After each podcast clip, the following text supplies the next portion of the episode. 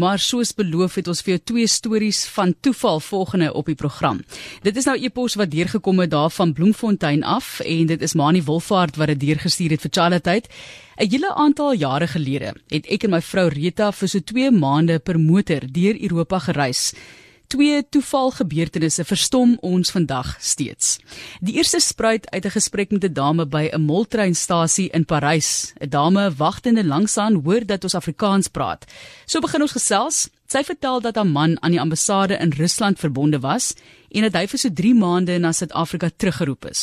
Sy het besluit om hom te gaan kuier en hulle twee seuns in die sorg van goeie vriende te plaas. Sy het via Parys gevlieg om vir 'n dag of 3 by Suster Theater gaan kuier. Nou so kuier die kinders nou by goeie vriende. Ongeveer 'n maand later is hulle in die dorpie Etal in Beiere, Suid-Duitsland. Hulle bewonder die pragtige kathedraal Skielik kom daar 'n groep jong mense in wat na rukkie as groep 'n aangrypende aanbiddingslied in Afrikaans sing, 'n koor uit Suid-Afrika op hul Europese toer. Na hulle uit is, sien ons 'n seun van so 12 jaar oud, sê die epos met 'n groen springbokpet op die kop, daar rondkyk. Toe ons hom in Afrikaans vra wie hy is, sluit 'n egpaar en 'n jonger seun van so 9 jaar by ons aan.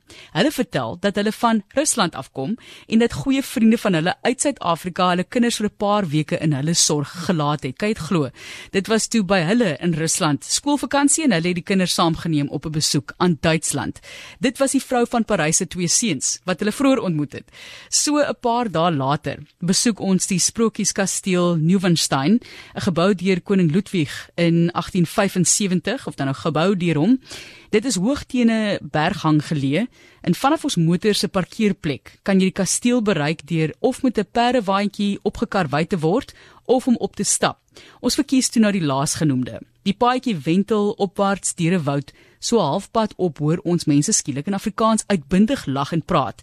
Toe ons om 'n draai kom, sien ons 'n groepie mekaar glimlaggend omhels en gelukwens. Op ons vraag wat die oorsaak van die vreugde was, vertel hulle dat hulle pas gehoor het dat die een egpaar se dogter aan die hoërskool Dief Malan in die Kaap die wenner was van die Bloemfontein se Afrikaanse skrywerskring se nasionale skrywerskompetisie in die afdeling vir senior leerdlinge.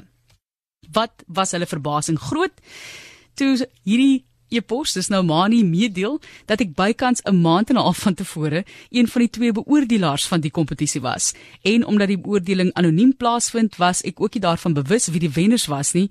Ek hoor dit toe ook vir die eerste keer so op daai staptog. So kon ek die ouers ook gelukwens en in hul vreugde deel.